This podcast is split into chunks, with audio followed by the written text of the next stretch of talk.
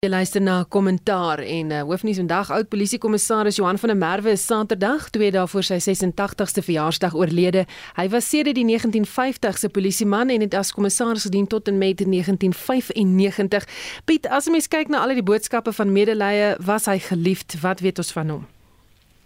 Man, Susan, ek moet baie versigtig wees want uh, ek kan ek het nou nie 'n goeie verhouding gehad nie en uh, dit het 'n bepaalde geskiedenis gehad. Uh, maar ek ek het met baie oud polismanne gepraat wat gesê het hy was 'n goeie polisman, hy was 'n goeie generaal gewees. Uh, hy was in die konteks van dit wat apartheid vereis het, dit het hy perfek uitgevoer en meer. Hy het altyd gevra vir meer mag om nog meer te kan doen in die apartheid staat te beskerm. Maar my oordeel oor hom gaan eintlik wat by die Waarheids- en Voorsieningskommissie gebeur het. En dit is daar het hy absoluut ontken. Daar's uh klomp baie uh video materiaal wat absoluut ontken dat hy van enige iets weet, enige moorde weet, enige ongeruimthede weet, enige wanstade.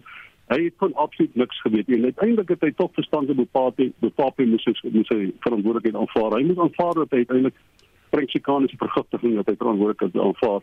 Maar sy probleem is as terwyl by die waarheids- en voorsieningskommissie alles ontken het en gesê het hy weet van niks nie het hy natuurlik met sy manskappe in die proses onder die bus gegooi. Met ander woorde, as die generaals niks geweet het nie, dan het die manskappe mos op hulle eie gefunksioneer. En in die proses het mense soos Jean de Kok en vele ander uh voetsoldate het natuurlik 'n geweldige hoë prys betaal deurdat hulle moes vir hulself verantwoordelikheid neem. Nou uh die kere wat ek met Johan gepraat het, was sy argument altyd dat hy tree op in beskerming van sy voetsoldate, maar die ironie was dat hy hulle eintlik onder die bus gegooi het deurdat hy nie verantwoordelikheid gevat het nie. En daarop was hy homself die liga sterk kans dreier Willem Ratte en op 'n politieke front iemand soos Dave Steele wat net absoluut tot die einde ontken het dat uh, daar net ongeruimthede was, dat daar ooit onregmatighede was. Uh so hy was ja, hy was hy was 'n goeie polisman in die konteks van van die apartheid staat. Ek dink hy was 'n oneerlike getuie by die waarheid en voorsieningskommissie. En ek dink eerlikwaar die ou 'n werklik goeie generaal moet gemeet in die mate waartoe hy verantwoordelikheid neem vir sy manskappe en in daardie opsig was was Johan van der Merwe vir my 'n lafwat geweest. Hmm. Goed, met dit gesê môreoggend in Monitor tussen 6 en 7 sal hulle weer kyk na hom en uh, sy lewe. Goed, in die nuus ook 'n klomp goed waar mense gepraat het die week. Een daarvan was die nasionale staking wat uitgeroep is deur SAFTU en KUSATU. Volgens SAFTU se sekretaris-generaal Willenzima Wawi was dit 'n baie groot sukses en hooplik sal die regering besef hoe ernstig publiek is oor die ekonomiese juk wat hy tans moet dra. My vraag is eerstens Liesel, miskien vir jou was dit 'n groot sukses? Ek is bevrees daai die staking het eintlik maar 'n muis of dalk maar 'n dassie gebaar as ons hulle genadig is daar. Ons het byvoorbeeld um Matthews Parks van uh, die Kossatu se koördineerder in die parlement het probeer sê dat uh, Rome is nie in 'n dag gebou nie, hierdie is nou maar net die begin en mense moet onthou dat net 'n kwart van werkers is by vakbonde en swaan om te probeer verduidelik. Hulle het selfs in van die toesprake gesê dat daar was maar die opkoms self was werklik nie baie groot nie. Daar het maar 'n paar duisend mense um opgedaag by die verskillende betogings of liewer by die verskillende optogte. Hmm. Christo, die, die feit dat die vakbonde nie vervoer verskaf het nie 'n invloed op bywoning gehad. Wie taksies byvoorbeeld wat nie deelgeneem het ook aan die staking nie. Nee, ek dink dis so nie en ek stem saam met Liesel dat uh, hierdie staking uh, was eintlik maar 'n non-event as ek nou die Engelse woorde moet gebruik. Ek dink ehm uh, Kusatu as, as ook uh, uh die ander organisasie ehm uh, is is eintlik maar besig om hulle eie relevantie op 'n manier te bewerkstellig.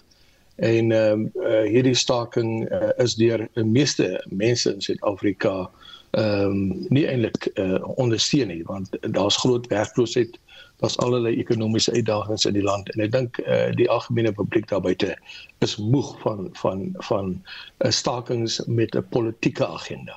Hm. Waar laat hierdie die vakbonde? Almal was altyd vreesbevange, weet, vreesbevange vir hulle Piet. Ek ek dink mens moet nie net miskyk nie. Onthou net uh, met ons het hoë inflasie in Suid-Afrika, ons het geweldig hoë werkloosheid. Uh, ons het geweldig hoë interest rates in Suid-Afrika. Ons het ekonomies onsaglike druk in Suid-Afrika. En al hierdie goed raak die werkers meer as enigiets anders. Om waarheid te sê, dit raak waarskynlik nie die werklooses meer as wat dit die werkers raak in Suid-Afrika.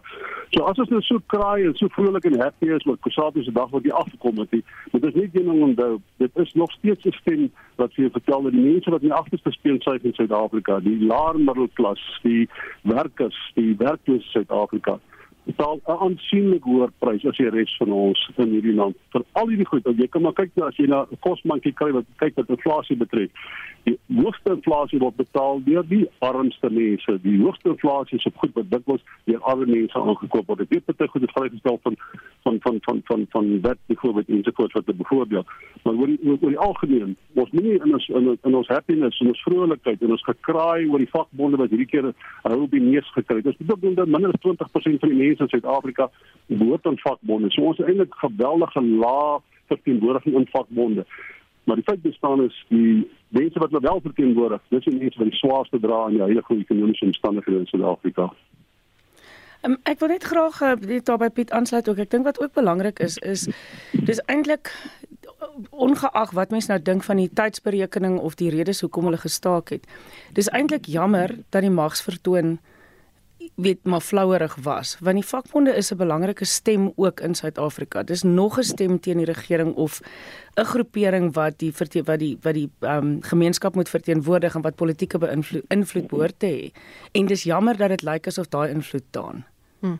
Dit die my volgende vraag is Christie miskien vir jou ANC betoog teen ANC want Kusatu is deel van die drie party alliansie. Weet jy 'n mens probeer vir jouself duidelik maak uh, wat is hier aan die gebeur. Dit is dieselfde Kusatu wat ondersteuning gee aan die ANC gedurende verkiesings. Uh, dit is dieselfde Kusatu wat agter die skerms uh goed uh, jy weet in 'n of politieke agendas probeer manipuleer. Uh waaroor gaan dit nou werklik waar? Is dit aan die een kant bloot net 'n magsverstoon? En ek stem saam met Piet saam. Jy weet 'n mens moet nooit die armes van die armses in die proses so gee nie. Dis die mense wat bitter swaar kry. Maar hierdie staking uh het absoluut niks te doen gehad met die armste van die armse nie. Dit was bloot net 'n uh, magsvertoon uh, uh of 'n uh, uh, poging om hulle eie relevantie weer te uh, te bevestig. Uh waarom 'n uh, nie 'n nuwe politieke agenda ehm uh, uh, skep nie wat in doel het om juis ehm um, die mense wat die ekonomiese probleme en die politieke onstabiliteit en die verarming in die land veroorsaak en die beleide wat dit veroorsaak om dit daadwerklik aan te spreek nie. So uh na my mening uh jy weet het ek nie simpatie met Kusatu en Safto nie. Uh my simpatie lê by die armste van die armstes, maar ek glo nog steeds dit is nie die wyse waarop jy die probleme van armstes gaan aanspreek deur uh opstaking te gaan en enige uh, manier uh, of of uh, deur middel van intimidasie of wat ook al nie. So dan Christus is nou regverdig. Ja, alle eerlikheid. Daai onderskeid tussen die ANC en Kusatu is 'n baie baie duidelike een. Hulle is in afle in alliansie met mekaar daar mekaar is inderdaad so. Maar Kusatu het hom by verskeie kere uitgespreek in staatskap en by verskeie kere uitgespreek in korrupsie. Die feit dat hulle nog steeds hulle mense beaanmoedig om vir die ANC te stem, het baie meer te doen met die vrotte posisie in Suid-Afrika. Vir wie anders sal jy nou 'n werker in Suid-Afrika aanmoedig om te stem? Watter ander party kan jy noem? Daar is nie 'n ander party wat ek wil sê hierdie duisend man werkers moet vir daai party gestem nie. So om die hele tyd nou te probeer met poging om Kusatu af te maak as hulle is agterol in alliansie met die swak regerende ANC is ook 'n ongenuanceerde stem. Die feit bestaan is ek sien nie 'n wendige politieke agenda by by Kusatu nie. Wat wel waar is is dat hulle baie keer op 'n holistiese manier die belange van werkers so opstel dat dit die, die, die werkloose in Suid-Afrika ondermyn. Met ander woorde, hoor die salarisse is vir die mense wat reeds werk hoe onwaarskynlik is meer onwaarskynlik is dit op dat jy mense kan in diens neem. Maar hulle sê vir jou sê ons is hier om mense wat reeds die belang van werke te verteenwoordig. Hulle verteenwoordig nie die mense wat werkloos is nie. Dit is die verpligting van die staat en van die ANC. Daai onderskeid is vir my baie duidelik. Ek weet nie hoekom mense altyd die Kossat of die ANC op Kossat se brood probeer smeer nie. Dit is eenvoudig net 'n opportunistiese manier om Kossat te ondermyn. Daar's goeie redes om om Kossat te kritiek oor uit te spreek. Daar's goeie redes om hom te ondermyn. Daai een werk nie. Die feit bestaan is Kusatu maak 'n punt daarvan om die omstandighede van werkers te verbeter. En partykeer is dit ten koste van werkloose Suid-Afrika. Partykeer is dit selfs ten koste van die ekonomie vir die algemeen. Maar daar is geen bedingingsposisie enige plek in die wêreld waar arbeid op 'n of ander manier vir hulle belange beding wat die nasionale ekonomie nie die prys daarvoor moet betaal nie en dit word die middelklas die prys daarvoor moet betaal. Dit gebeur nie net in Suid-Afrika nie, dit is reg oor die wêreld. Dis die beginsel van vakbondwese. Christel, wil jy nog reageer? Ja, dit is minder baie interessant dat Kusatu en Saftu, jy weet, hierdie ding saam aangepak het. Nou as jy gaan kyk na sowel as Zimbabwe, die rol wat hy gespeel het destyds om uh, Zuma te verheerlik en ook uh, die rol wat hy gespeel het om uh, Zuma vrygespreek te kry en al sy aksies wat daar wat daarop afgestem was om uh, uh, Zuma uh, uh, verkies te kry as leier president van Suid-Afrika. dit vir my sê vir my baie van die karakter van uh uh Zwelinzi Mawawi. Ehm um, en dit is my baie interessant dat uh Saftu en uh Kusatu hierdie ding saamgedryf het. Uh dis my ehm um, uh, eintlik uh, jy weet ehm um, uh as as Piet sê daar's nie 'n politieke agenda nie. Dan wil ek graag weet wat se agenda is daar nou eintlik. Hmm. Kom ek kom ek sê vir wat wat Bobby as jy vir Bobby daar het honderde kere gesê Hy het dit male sonder taal gesê. En nou vir my nog 'n politikus wat dit kan sê. Hy het dit male sonder taal gesê. Ek is nou so jammer. Ek is verskriklik jammer oor die steen wat ek vir Jacob Zuma gegee het op daai stadium. Ons verstaan dit is 'n geweldige fout. In daai omstandighede waar ons net 'n keuse gehad het tussen Zuma en Thabo Mbeki, was hy vir ons die beter keuse. Dit is inderdaad so. Daar's min politici wat jammer sê. Waar het honderde kere gesê, "I made a mistake." Dit kry al baie min selfs op so gepraat in die tegnologie van politici. Hm. Goed, Wie nog iets sê, Christo? Nee nee, ons verstaan daarmee. Goed dan. Ek gaan aanbeweeg na die volgende storie toe want ons 'n paar dinge wat ons wil na kyk vanaand. Die LER vir gesondheid in Limpopo, Dr Poppy Ramatuba, die nuus gehaal die week weens 'n video op sosiale media. In die video sê sy vir die pasiënt wat operasie moet kry dat sy haar begroting opeet omdat sy oor die grens kom vir behandeling en nie in Zimbabwe bly nie. Die Progressive Health Forum wil hê sy moet afgedank word en sy skop vas en sê sy gaan nie om verskoning vra vir dit wat sy gesê het nie. Kom ons luister net gou-gou weer na wat sy gesê het. You speak Shona. And then how do you find yourself in Vila Vila and when you are supposed to be with Munangago there? You know he doesn't give me money to operate you guys. and I'm operating you with my limited budget. Thank you so much. I Oh, well, you can't appreciate that. You're killing my health system. You are killing my health system. When you guys are sick, I'm hearing these days, you just say, let's cross Limpopo River. There's an MEC there who's running charity department. It's not. Goed, daar's 'n klomp dinge na hierdie video ook gesê sy self het verdedig. Uh, Liesel, jou reaksie op hierdie hierdie hierdie video en alles wat nou gebeur het rondom dit. Sjoe, mens kan baie daaroor sê. Maar ek dink een van die belangrikste punte is as buitelanders die grootste probleem vir ons gesondheidstelsel was, dan sou die Oos-Kaapse hospitale nie gelyk het soos wat hulle lyk nie want jy het 'n baie groter hoeveelheid buitelanders wat ehm um, wat uh, in die noordelike provinsies is en tog in 'n plek soos die Oos-Kaap is daar geweldig baie probleme ook. Dit beteken nie dat die pasiënte nie by die addisionele pasiënte nie 'n uitdaging is nie.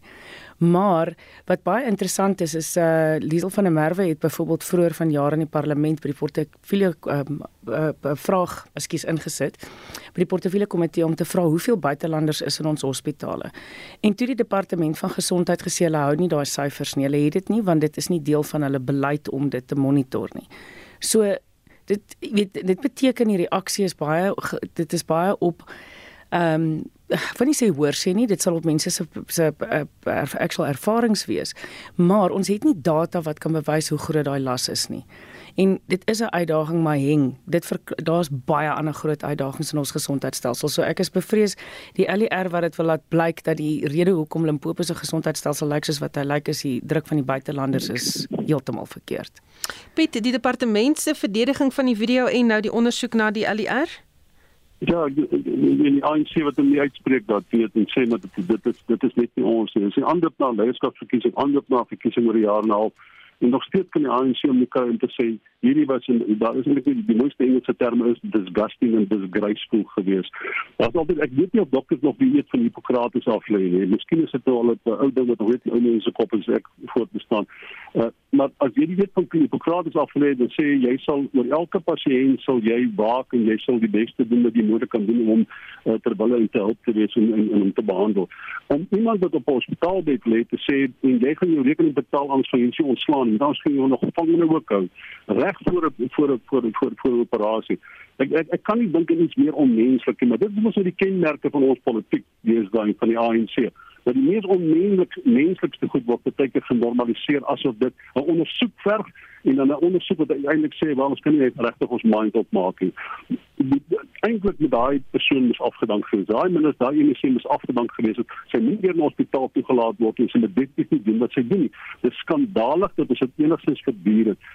Nou, jy kan eintlik niks oor dit. Jy kan niks goed daaroor sê nie. In die koerant het vandag baie mooi die storie gedek hulle bewys dat die werklike probleem is in daai provinsie dis mense wat nie behoorlik aangestel word in poste nie. Daar's nie verifisering nie. Daar's nie genoeg dokters nie. Uh die klinieke funksioneer nie na behoore nie. Die, die uh, daar's geweldig baie korrupsie. So ons weet wat die probleme is. Die probleem is nie die Zimbabwe. Ek sê dis nie 'n probleem nie, maar soos Lee wil sê, dit mag dalk 'n probleem wees, maar dit is nie die rede hoekom die hospitale lyk soos hulle lyk in die noordelike provinsie nie. Christo, jou gevoel oor hierdie gebeure? Ja, is absoluut laagbaar. Ek dink uh, jy doen dit nie aan pasiënte nie, nie, jy doen dit nie aan mense wat uh, siek is of siek lê in 'n bed of wat gereed maak vir operasie nie. En ek dink dit is die tipe van behandeling uh, wat baie uh, mense oorkla in uh uh, uh, in die deursnit publieke hospitale in Suid-Afrika. Ehm um, dit vir my is is is die groot kwessie wat moet aangespreek word. Jy weet die professionaliteit, hoe behandel ons pasiënte en so voort. So dit is die een deel van die uh, een kant van die muntstuk. Ek dink die tweede kant van die muntstuk hou verband met wat is aan die gebeur in terme van uh, Suid-Afrika se migrasiebeleid.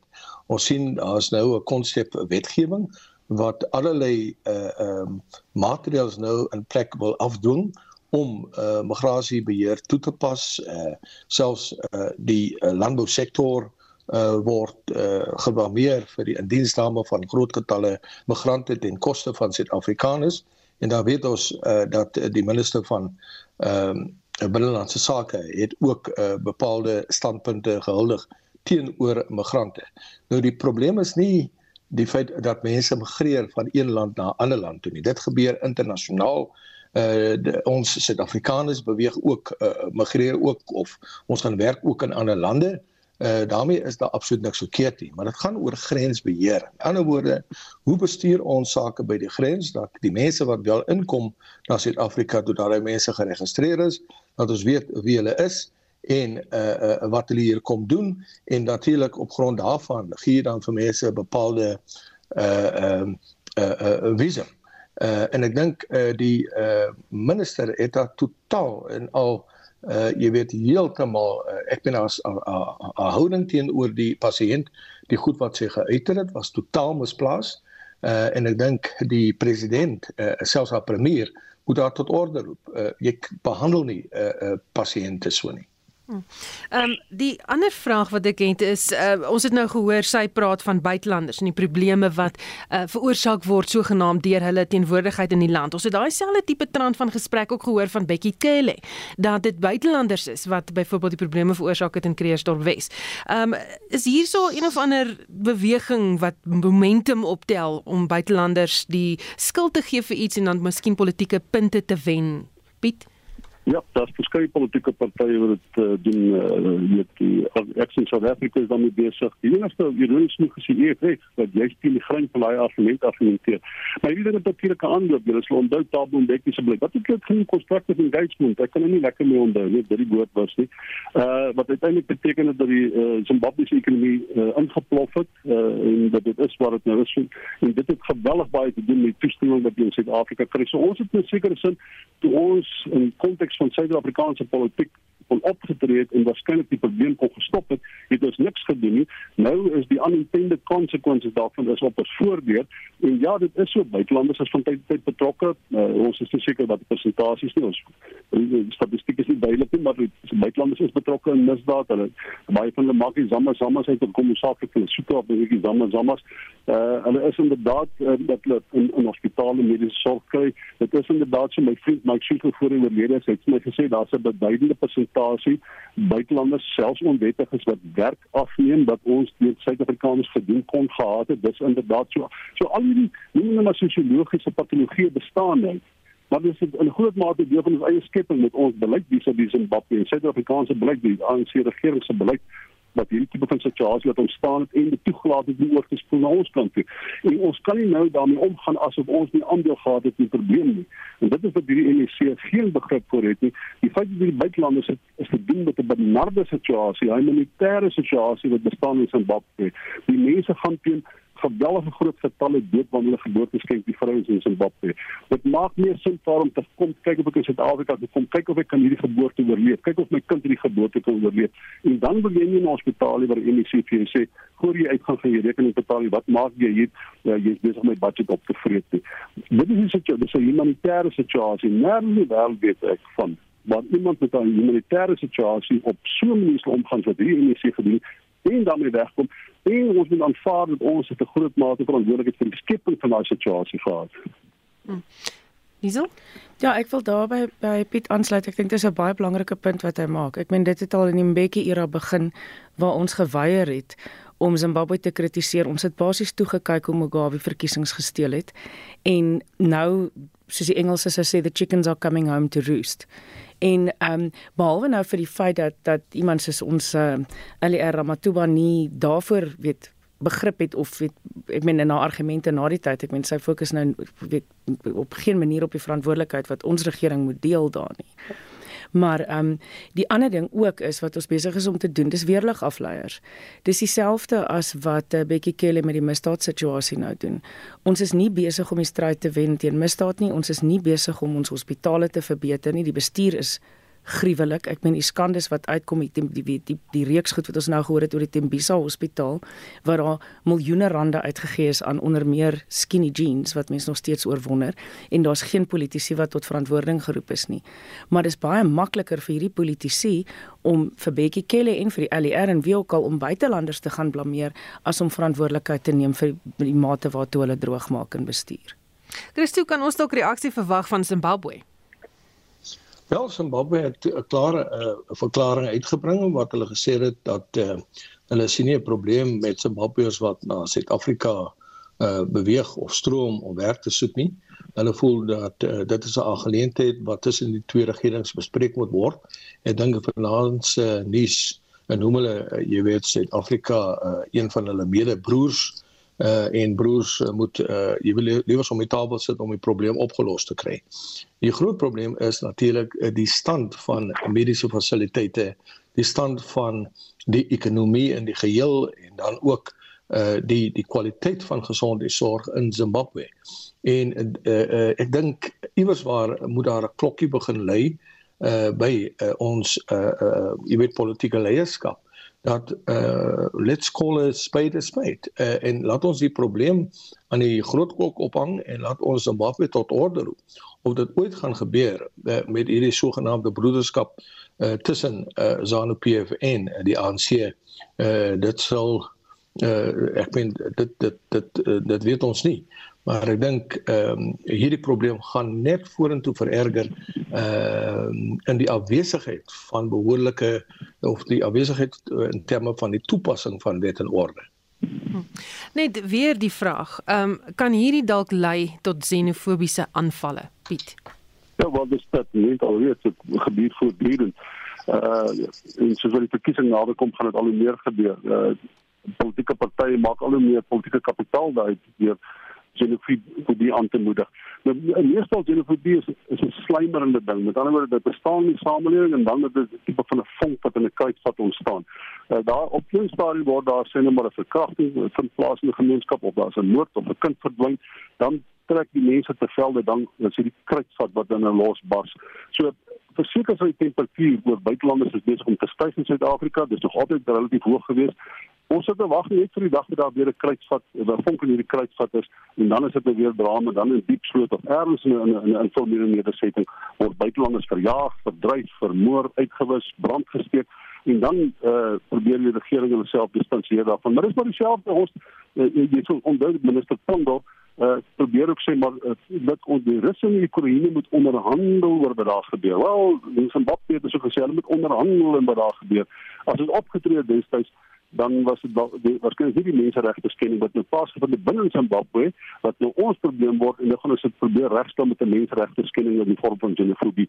Maar as jy dink daar is nie 'n vlaklende atmosfeer van xenofobie in Suid-Afrika maak jy verskriklike fout. Al wat missing is is wanneer die vonk in die kruitvat kom en dit kry jy deur in in in in, in 'n misdaad gedrewe gemeenskap waar daar 71 mense per dag vermoor word. En elke dag kan een van hierdie moorde kan 'n vonk in die kruitvat wees. Hm. Goed dan, gaan aanbeweeg na die volgende storie toe. Is nou al uh, 26 minute oor 8. Jy luister na kommentaar. My gaste vanaand is uh, natuurlik uh, Piet Kroukamp, Dr Piet Kroukamp, ons het Christo van der Rede en ons het vir Liesel de Lange wat saamgesels. Ehm um, die Kill the Boer hofsaak. Ehm um, ek het gelees vandag uh, op Politics Web, it's a disgrace, it's not what South Africa deserves.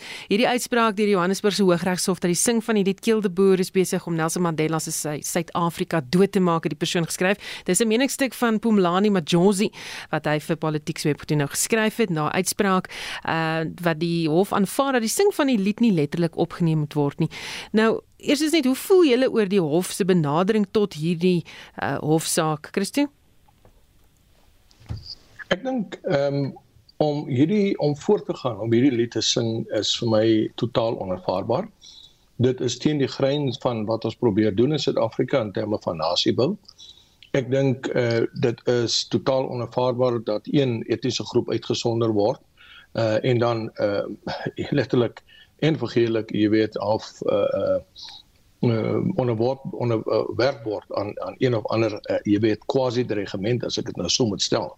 Want uh, jy kan net sowel begin sing kill the coloreds uh, of wat ook al uh, kill the blacks en dan sit jy met 'n baie baie uiters plopbare situasie. So uh, ek dink uh, en en uh, um, uh, ek ek ja mens kan nou uh, heel wat argumenteer oor die meriete van die hofsaak en uitsprake wat gemaak is en die bevindinge deur die uh, uh, regsgeleerdes maar uh, dit gaan hier dis 'n morele kwessie met ander woorde ons kan nie uh, in in die in die strewe na 'n nie rassige nie seksistiese Suid-Afrika uh, toelaat dat politieke partye hierdie tipe van opreiende liedjies sing nie. Nou ja, daar is 'n historiese konteks en uh, daarmee uh, uh, kan mens mos nou nie fout vind nie. Maar dit gaan oor hoe bou ons 'n land waar daar vrede is tussen verskillende groeperinge, verskillende etiese groeperinge. So ek dink dit behoort die kruks van die argument te wees. Uh en ek dink dalk moet uh Afriforum en die EFF om die tafel gaan sit en mekaar op daai basis probeer vind. Maar as ek so deur die hofuitspraak lees en nou let wel ek is nie 'n regsgeleerde nie. Dink ek dat eh uh, die daar 'n strategiese foute begaan deur die eh uh, regspan of deur die getuienis wat gelewer is deur die eh uh, eh uh, Afriforum span. Uh, en ek sien in sommige gevalle het die regters wel van daai getuienis verwerp want uh, daar was geen let uh, verbintenis tussen die uh, of ja hulle het dit moeilik gevind om die kill the boer uh, uh, liedjie uh, by uh, plaasmoorde uit te bring en sovoorts. Maar dis 'n tegniese uh, argument dit. Dit is 'n regsargument uh, wat uh, ek dink wat 'n mens oor jare nog oor kan praat. Ek dink waarop ons moet fokus is is dit nog gepas in hierdie tyd om nog sulke tipe van liedjies te sing terwyl ons uh, dit haal die oog van die bal af. En daai bal uh jy weet is die bal wat ons eintlik maar moet vorentoe skop in terme van nasiebou in terme van 'n uh, groot harmonie tussen die verskillende bevolkingsgroepe. En ek dink dit behoort eintlik die fokus te wees in terme van hoe ons hierdie saak uh jy weet op 'n vredesame en operasionele wyse uh besleg. Hiersel Ja, ons sit natuurlik dis 'n dis 'n die hof kan nou nogal eintlik uh, ook beskuldig word van dubbele standaarde want in 2019 het die hof bevind dat die wys van die ou vlag is kom neer op haatspraak, reg? En nou dieselfde hof besluit maar die lied kom nie neer op haatspraak nie. Nou die regter het in sy uitspraak gesê dat hy kon net werk met die feite voor hom Ehm um, soos Christo nou spesifiek gesê het, weet jy, daar's 'n klomp tegniese kwessies hier, maar hy kon net werk met die feite voor hom en dit het spesifiek te maak gehad met die sing van die lied by 'n uh, hofsaak na 'n plaasmoord in 2020. En maar die probleem is die die uitwerking van sy uitspraak is dat jy sit nou met 'n situasie waar die ou vlag is is is, is haatspraak, maar die sing van die lied is nie haatspraak nie, reg? Nou sit jy met twee simbole wat aanstootlik is en vir mense in die samelewing weet so ontstel dat hulle dit dit sien as haatspraak en beskou as haatspraak. En altoe die uitsprake gaan nou op 'n appel wat ek dink baie belangrik is sodat hierdie debat verder gevoer kan word. Want soos Christo nou ook gesê het, weet wat se samelewing wil ons hê en waarna toe werk ons? En wat interessant was met die vlaguitspraak destyds is daar gesê maar die mense wat glo hulle wil die vlag ehm um, dit nog steeds, ek weet nie wat ook al daarmee doen, hulle wil dit nog ge kan gebruik. Is daar juist gesê maar wat is die gevoel wat dit by ander mense ontlok? Wat is die impak by 'n ander deel van die samelewing? En by die sing van hierdie lied in die lig van die misdaadsyfers waarmee ons sit en die geweld op plase is dit ek meen dit vat nie veel om jouself te verbeel wat die gevoel is wat die die lied in daai bevolking ontkete nie.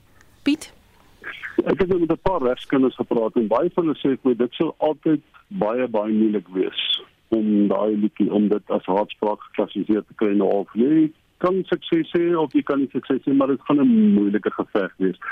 Nou ek kan nou vir jou sê jy kan vir Ernst Roots en Mark Oppenheimer kry as jy iemand vang wat met jou bicycle by jou deur uitloop om jou te verteenwoordig, die ou gaan op die ou en die hulp bewys dat jy die bicycle by hom gesteel het. Jy sit met verkeerde mense aan jou kant.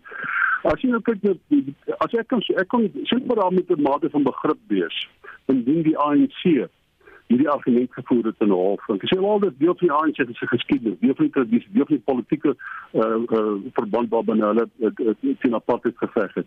Maar die EFF het nie daai geskiedenis nie. Die EFF kan nie namens die ANC praat nie. Jy kan dit nie met hulle praat namens alle swart mense nie.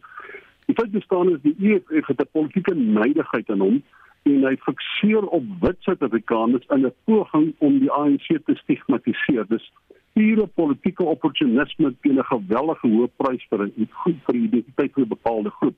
Dit is nou ongeag of dit haatspraak of nie haatspraak is hierdie wat hulle sê.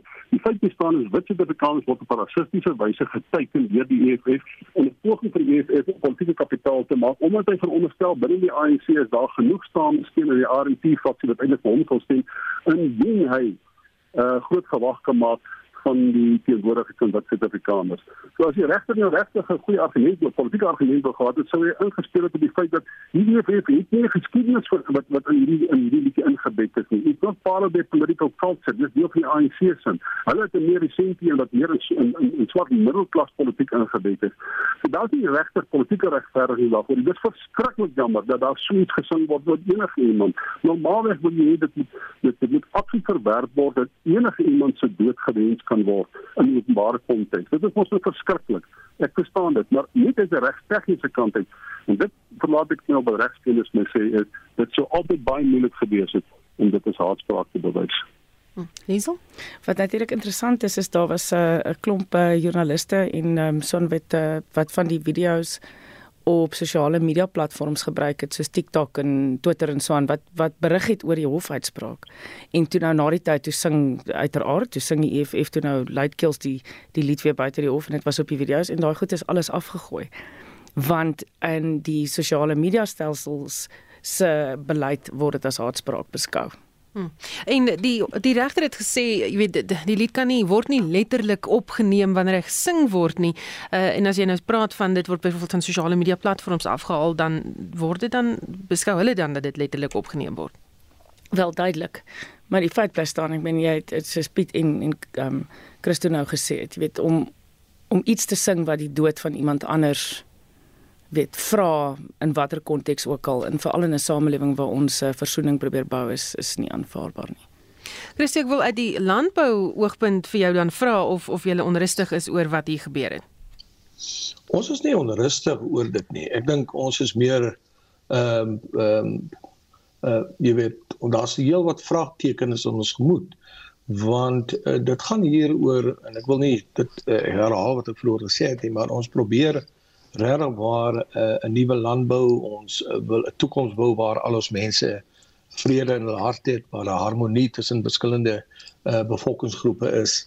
Uh, en ek dink uh, jy weet dis dalk tyd geword uh, dat uh, landbou dalk uh, met die EFF moet 'n gesprek tree en op die tafel gaan sit en sê, "Ek luister, kom ons kyk hoe ons uh, jy weet probeer om hierdie uh singery uh, op een of ander manier te staak. Nou of dit ooit gaan gebeur, dit weet ek nie, maar uh, ek dink ehm uh, jy weet 'n uh, hofsaak gaan nie die probleem oplos nie. Uh dit dit moet regwaar uit die hart van mense kom want versoening word nie deur regspraak bevorder nie. Dit word deur uh, 'n natuurlike impuls tussen verskillende groeperinge wat in vyandskap met mekaar al die jare geleef het om uh, dan dit is baie goeie voorstel. Ek dink dit as georganiseerde landbou bymekaar kom en sê by die EFF Uh Karel, kom ons kom ons praat oor hierdie ding. Dit dit dit hurt both of us. Ek ek dink eerlikwaar nie Afriforum moet dit doen nie want uh, dit verteenwoordig 'n politieke identiteit waarmee landbou verkies het nie te sterk met assosieer nie. Maar as landbou self, die boere self gaan sien dit en hulle sê kom ons gesels oor hierdie ding. Miskien is dit 'n trede gegee wat ek sê later wel I tried. Ek het probeer. Christo, jy jou sin klaar maak? Ja, nee. nou het ek my draad verloor, maar ek dink dit is iets Sorry, wat ons sorry. uh, jy skuld my Piet. nee, ek ek dink Hy gaan daai gesprek van julle fasiliteer klink dit vir my. Absoluut. maar ek dink wat ons wat ons as Suid-Afrikaners moet begin doen, um, ons moet meer begin gesels, ons moet indringend met mekaar begin praat en kyk hoe ons dan konsensus kan uh, bereik. Ehm um, ek dink ja, dit is maar een van die goed wat ek in meer in my gedagtes rondloop. Goed dan, uh gepraat van ons moet konsensus kry en saamwerk, koalisies is die uh, baie groot woord hierdie afgelope week. Uh dinge wat rof gaan in die Tshwane Metro. Ehm um, die burgemeester wat aangekla word dat hy ander wil boelie in 'n gasprojek in om die stad van elektrisiteit te voorsien en dit het toe natuurlik gelei tot 'n herrie oor die koalisie. Uh julle gedagtes oor ehm um, wat in Tshwane aangaan voor ons oor koalisies oor die algemeen praat. Miskien Piet, kan jy begin? Uh, wil ek ek dink dat uh, sê ek eers praat oor koalisie wat die algemeen aangaan voor ons met Swane praat. Nee, gaan eers my met Tshwane. Nou ek gaan Swane. Wel ek, ek het nou vandag uh, omdat ek nou nie noodwendig uh, direkte insig oor presies uh, wat die binne die die die die die, die burgemeester se aksies want dit daar's nou ernstige vrae daaroor oor die burgemeester en bepaalde tenders wat hy wil bevoordeel het uh, uh, en wil, wil toegeken het. En as die konservatiewe media sê dat daar waarskynlik 'n probleem was as dit in sinemaar 'n rapport verskyn dat daar waarskynlik 'n probleem was met hoe die burgemeester hanteer het, dan dink klink dit vir my met 'n mens seker dink of die burgemeester inderdaad gedoen het wat hy moet doen en of oppositiepartye nie noodwendige geldige uh, argumente het nie. Nou uh die die DA beroem daarop dat hy koalisies in stand hou deur goeie regering. Met ander woorde, almal wat deel word van sy koalisie kan daarop staat maak dat daar goeie, regverdige, billike regering gaan wees en dat daar goeie administrasie gepleeg sal word. Miskien moet mense kyk of die burgemeester dit 100% reg gehad het uiteindelik voor jy 'n oordeel vel oor wat se koalisies in in in in, in Swane aan die gang is. Maar dit is inderdaad so dat indien die burgemeester uiteindelik opgetree het te bewyse wat 'n bepaalde uh, diensverskaffer sou bevoordeel uh buite dit wat die Public Management Finance Act so gesê het en wat die tender die, die ooreenkomste sê in terme van statutêre tender ooreenkomste. Dan moet mense twee keer kyk op watter mate kan sulke bureaukratiese vergrype en indien dit so wel so was, kan dit eintlik onbestendigheid in in in, in koalisies veroorsaak. Maar dit is inderdaad deel van die probleem. Dit gee net weliswaar vir oppositiepartye buite die koalisie gee dit die geleentheid om die koalisie, die bestaande koalisie te stigmatiseer. Ek sou net baie graag wil hê iemand moet vir my spesifiek sê hierdie burgemeester opgetree in terme van die munisipale regulasies, die noodwendige wette, die Public Management Finance Act, die tendervoorskrifte, het hy in terme van dit opgetree as ek die konservatiewe media lees en ek het vandag gelees en dit lyk vir my asof selfs hulle dink daar was 'n refleks op te werk dan moet die burgemeester nog 'n paar dinge antwoord. Liesel, toe vir Tshwane. Maar kyk, die interessante ding nou hier is uh die die enigste rede hoekom hy op die einde nie deur 'n mosie van wantroue um, uitgeskop is nie, is omdat Action SA op die einde besluit het hulle gaan nie hulle gaan dit nie steun nie. Um, en dit is nadat die oppositiepartye, wel, die koalisie, skus, bymekaar gekom het en gesê het goed, hulle gaan 'n onafhanklike ondersoek doen na wat daar gebeur het. Want kyk, die bewering is dat hy um, dat hy uh ingemeng het by die by die besluit al dan nie oor die ehm um, movie se groot kontrak vir ehm um, vir 'n uh, gasopwekkings elektri ja, ja vir elektrisiteits of vir ja vir elektrisiteit elektrisiteitsopwekking skus met gas daar sê ja. In elk geval so ja so dit is dit is waar Action is uit toe gesê dat hulle gaan nie steun nie en of hulle gaan nie die mosie van wantroue steun nie. Maar ja dit is ehm um, ja daar's groot probleme in Swanie soos ons weet Eskom dreig om die krag af te sit omdat hulle nie die skuld kan betaal nie en Tswane het nou vir baie lank het hulle probeer om 'n klomp geld in te samel. Hulle sal onthou daar was baie publisiteit gewees rondom die afsny van verskeie regeringsdepartemente byvoorbeeld se krag uh ruk terug. So daar's definitiewe probleme in Tswane ongelukkig. Ehm um, weet en, en en ongelukkig eintlik die rede ongelukkig is dit uh die inwoners wat daar bly wat daaronder lê. Christo, hoe vaar Tswane volgens jou? Wel, uh, daar is hier en daar uh, is daar goed wat gebeur in die stad uh, en ek dink ehm um, uh, Randall Williams as burgemeester probeer baie hard om uh, goed aan die gang te kry. Maar uh, die uh, aard van politiek, veral koalisiepolitiek, uh, bly maar, bly maar uiters uh ehm um, uh wat is die mooi woord Engelse woord praat al van fragile nê nee, uh help my goed tog met die Afrikaanse woord ehm um, en, um, um, en en ek dink kom nou julle. Is op 'n mespunt daar in 'n geval. Dis op 'n mespunt. Uh so dit sal baie interessant wees wat die uitkomste hiervan gaan wees. Uh ek sien die DA beplan om met Action SA die Vryheidsfront Plus uh die ACDP koop uh, die EFF uh te vergader. En ek weet nie hoe ver hulle gekom daarmee nie maar uh um, jy weet ons kan nie ons kan nie voortgaan met hierdie tipe van onstabiliteit nie. Uh Pretoria uh, is so 'n belangrike uh, metro vir Suid-Afrika. En ons sien die verval wat plaasgevind het oor 'n baie lang tydperk en hoe sukkel uh mense met dienslewering in die stad, uh is dit vir my onaanvaarbaar dat ons voortgaan en voortbou op hierdie tipe van uh onstabiliteit. Goed, so die volgens die Ipsos navorsingsverslag is die kans dat daar 'n koalisieregering gaan wees, dit word al hoe groter vir die volgende verkiesing wat nou voorlê. Uh, die navorsing wat hulle gedoen het, uh, toon dit. Maar as ons kyk na wat gebeur byvoorbeeld in Tshwane of selfs uh, eThekwini of uh, selfs in Johannesburg se metro um, hoe Piet, dink jy dat die politieke partye as hulle nie op 'n plaaslike munisipale vlak die strydbel kan begrawe sodat hulle kan dienslewering gee nie, hoe gaan dit werk op regeringsvlak? Ek dink die probleem is dat die meeste van die oppositiepartye ehm um, tans probeer om steen weg te rokkel van mekaar af eerder as van die ANC af. Ek sien Suid-Afrika is heeltyd besig om die DA se belangrike swart lede te werk en te steel en net oor te bring. Die Vryheidsfront vat lede weg by die DA. Die DA uh, eh, ek sien 'n meningspeiling wat uh, Ipsos op meningspeilings praat van 11% dit klink vir my bietjie laag. Dit is heeltemal so, maar nou die ander meningspeilings wat ek hoor wat onafhanklike meningspeilings is, sê hulle is hier al ergens in die laat 20s. As dit mis gebeur het, mis hulle minstens hulle steen teruggekry by die vryheidsfronte verloor wat ek nie kan indink nie en hulle moes meer swart speel gekry wat ek beslis nie kan indink nie. So ek weet nie of ons op meningspeilings moet staat maak om te bepaal van hoe die koalisie gaan lyk nie. Maar ek dink die grootste probleem is is omdat hierdie klein partye wat in 'n koalisie uiteindelik mekaar moet gaan, eintlik nie ding nie ding vir dieselfde pool stemme sit jy met die probleem dat daar soveel slegte verhoudings is. As jy nou dink byvoorbeeld tussen Herman Mashaba en Helen Zil jy jy kan nie 'n vuur brandsteek bou met daar's klare ontploffing tussen hulle.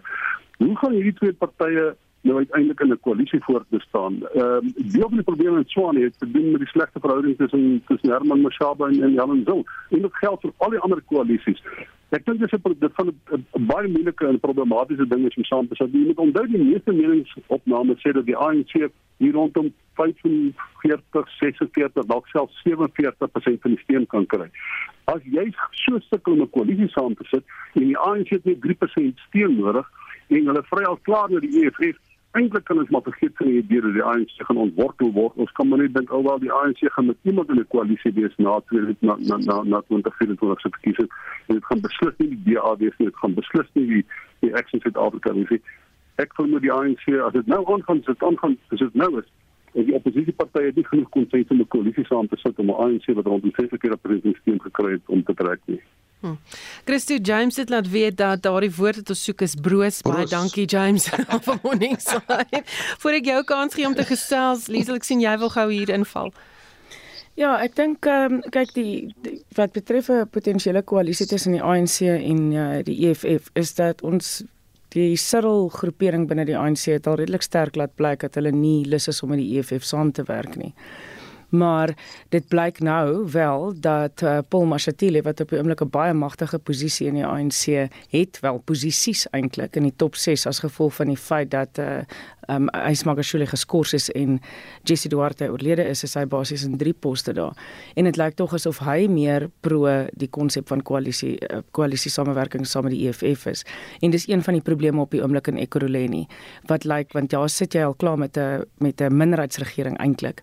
So as die ANC en die EFF daar gaan saamwerk, dan dan kan dit die die huidige regering daar ontroon. En die probleem met hierdie is juist daai totale onstabiliteit waarmee ons die hele tyd sit. Want jy sit elke keer met nuwe politici wat inkom en nuwe leierskap wat inkom en dan begin hulle net aan die gang kom en dan kom daar nou weer ander leierskap in. En dis iets wat ons nasionaal gaan wil vermy. Maar die interessante ding is Pieter Bruce het juis vandag geskryf, daar's 100 weke hm. oor vir die oppositiepartye om hulle eende in 'n ry te kry basies om saam te kan werk um, in moontlike koalisie regerings. Want kyk, onthou ons moet kyk na 'n plek soos spesifiek Gauteng waar die ANC se steun baie gesak het. So jy het 'n sterker kans hier dat jy gaan kyk na 'n koalisie regering as wat dit binnekort in 'n plek soos Limpopo of in Mpumalanga gaan gebeur waar die ANC se steun weliswaar afneem, maar is nog nie op daai punt wat dit wat dit onder 50% gaan sak nie.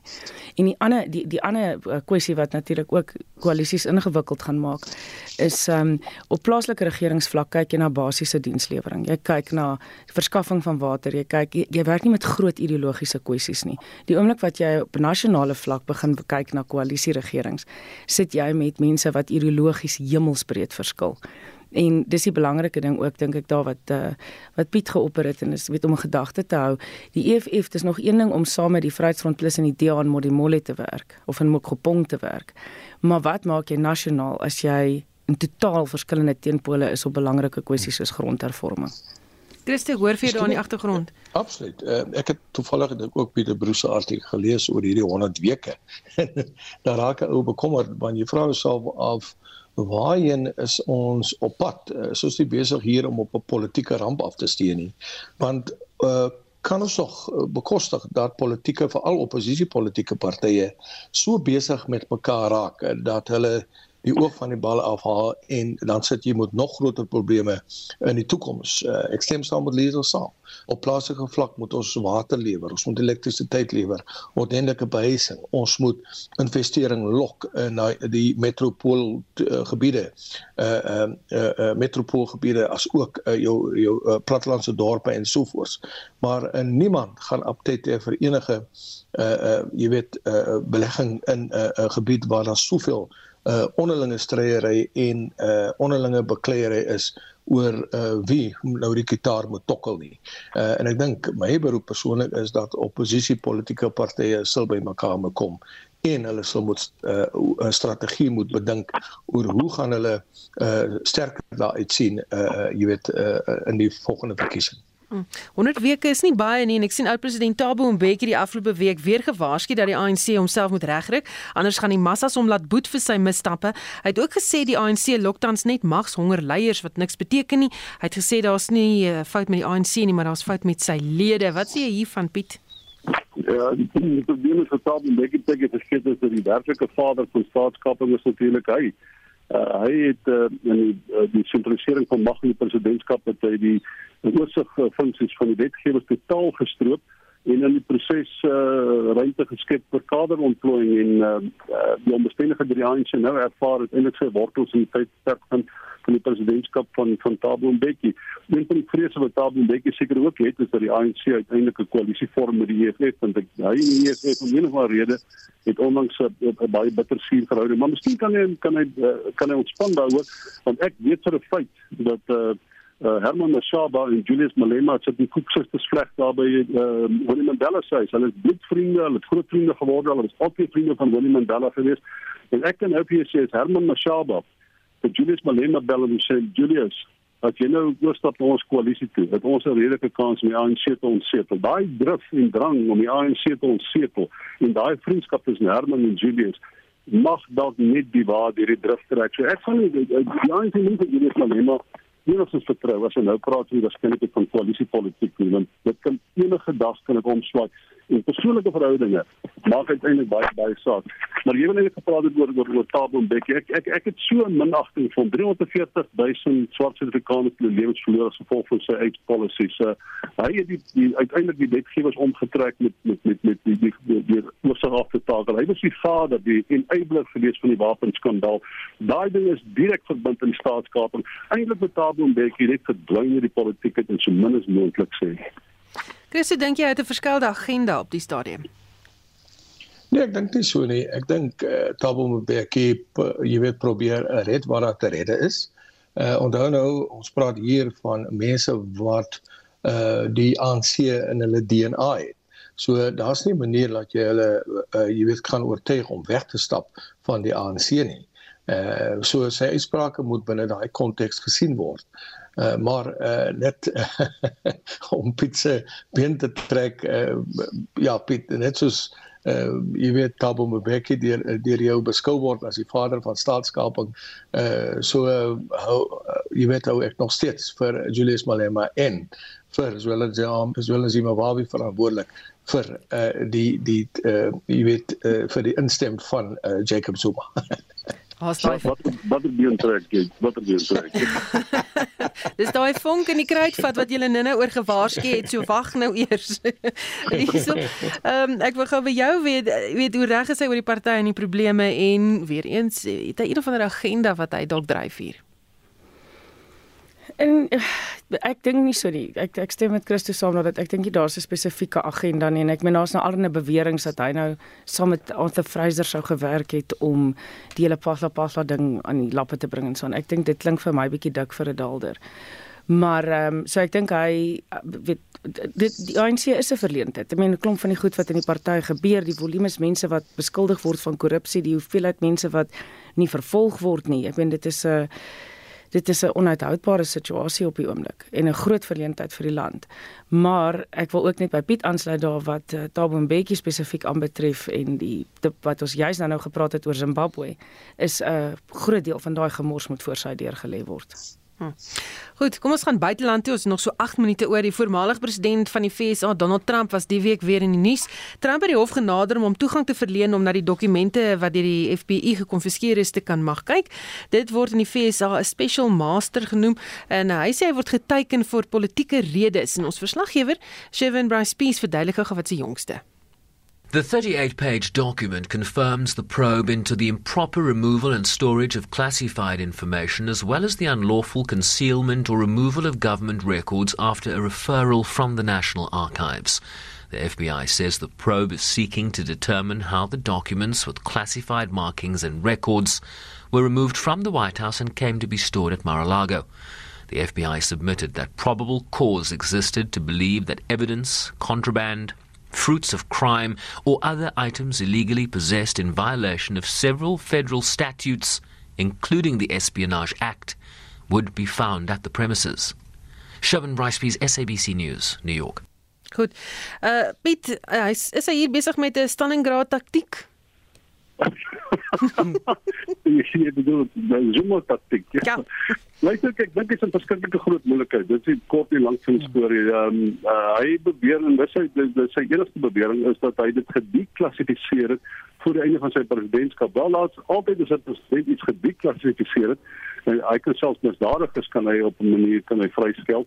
En nie dit gedoen is daar baie baie goeie papierwerk wat in die departement van justisie gedoen word met die aanvoering daarvan regverdig. Met ander woorde daar's 'n paper trail. As hy daai paper trail kan uh, kan kan gee, dan is dit dan is die probleem is nou opgelos. Die feit dat hy vra om na die dokumente te kyk, probeer net die indruk gee hy probeer die oplossing vir die probleem in die dokumente soek eerder as in die paper trail wat aanleiding gee tot die feit dat daardie dokumente onwettiglik in sy huis is. Uh dit is so dat hy 'n politieke uh, agenda dat hy weer se taal ag uh, Amerika se president wil word. Dit kan ook wees dat hy dink as hy weer president word, kan hy as dit ware hierdie spore van van noem dit maar relatiewe misdade kan hy dan nou doodvee agter hom. Donald Trump is ek ek dink ek het hom een keer 'n genetiese defek genoem. Uh, in politieke terme is hy 'n genetiese defek wat op daar's altyd die ongeluk wat wag om te gebeur. Daar sal altyd 'n omstredenheid wees en iets sê vir my, iets sê vir my Donald Trump sal vir 'n pardon moet aansoek doen by Joe Biden op 'n kol. Christo? Weet jy, ja, dis dis een van daai moeilike goed en ek dink uh, 'n mens moet hom al die voordeel van die twyfel gee totdat daai bevindinge uh jy weet aan die einde van die dag uh duidelik bewys kan lewer dat hy wel skuldig is aan een of ander misdaad. Nou ja, soos hulle sê waar daar 'n rookie is, brand daar 'n vuurtjie is, so ja, dit bly maar 'n uh aangeleentheid wat deur die FBI of wie ook al hanteer moet word. Uh, so ja, ons moet maar wag en sien wat die uiteinde daarvan gaan wees. Liesel, die Republikeine is bekend daarvoor dat hulle die wet ondersteun en beskerm en hulle reaksie in hierdie hele situasie, wat maak jy daarvan? Wel kyk, ek wil net vinnig daarby Piet aansluit ook. Ek dink eh uh, Trump was regtig 'n ongeluk wat wag om te gebeur. Ek meen, hoe lank is hy nou nie al in die proses om selfs weet toe hy nou president was wat hy maar die reëls gebuig het, nê, of wat hy doen nie, hy doen nie goed regtig soos wat dit veronderstel is om te gebeur nie. So mense is amper nie verbaas dat daar spuldokumente in sy huis was nie. Wat die doel daarvan was of dit baie sinister was of dit jy weet ek weet nie of hy nou maar net vergeetagtig was of die mekaar was of die goed rondgesleep het, ek weet nie. Maar ehm um, ek dink hy is definitief hier in die moeilikheid en iewers langs die pad moet die man tot verantwoording geroep word want hy het 'n klomp onverantwoordelike goed aangevang. Ek meen as ons net kyk na die na die Januarie 6 gebeure en en van die getuienis rondom dit nou al. Jy weet hy ehm um, is nie iemand wat die demokrasie en die reëls daar rondom respekteer nie. Hm. Goed, nog so 4 minute oor, maar ek wil gou na 'n uh, tema beweeg. Ehm um, Christo hier's nou weer op eintlik half op eie bodem, maar ook op die grens. Uh wat is die jongste wat betref die verbod op die in- en uitvoer van groente en vrugte na Namibië en Botswana? Onthou nou uh, Namibië, Botswana, uh, Swaziland, Lesotho, Suid-Afrika, ons is almal lede van die Suider-Afrikaanse Douane Unie en ons het volgens daai uh ooreenkomste het ons besluit om grense oop te hou en natuurlik uh ons boere te bemagtig sodat en veral die landbousektor te bemagtig om dan een van die groot uitvoerders te word van uh verskeie landbouprodukte. Ongelukkig het Botswana en Namibië nou besluit om hulle grense uh te sluit. Ek dink Namibië vir vir 'n deel van Augustus, Botswana vir 'n periode van 2 jaar. Maar dit skep geweldige probleme veral in die lig van die feit dat ons 'n ooreenkoms het.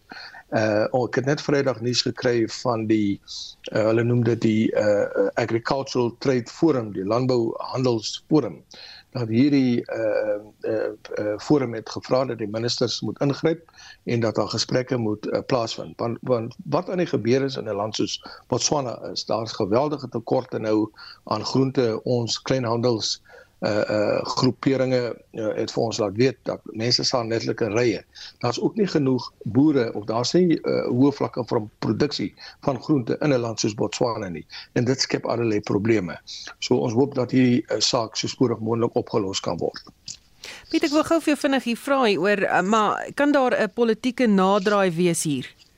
Nou ek nee, ek ek ek ek, ek, ek kom ons van Namibië af sê ek ek ek het so 'n bietjie simpatie met die met die landbou in Namibië. As jy uh wil uh, groenteproduksie bevorder in Namibië of uh, sê wil uh, enige vorm van landbou uh, produksie wil bevorder, dan moet daar 'n vraag wees vir die aanbod oorskry.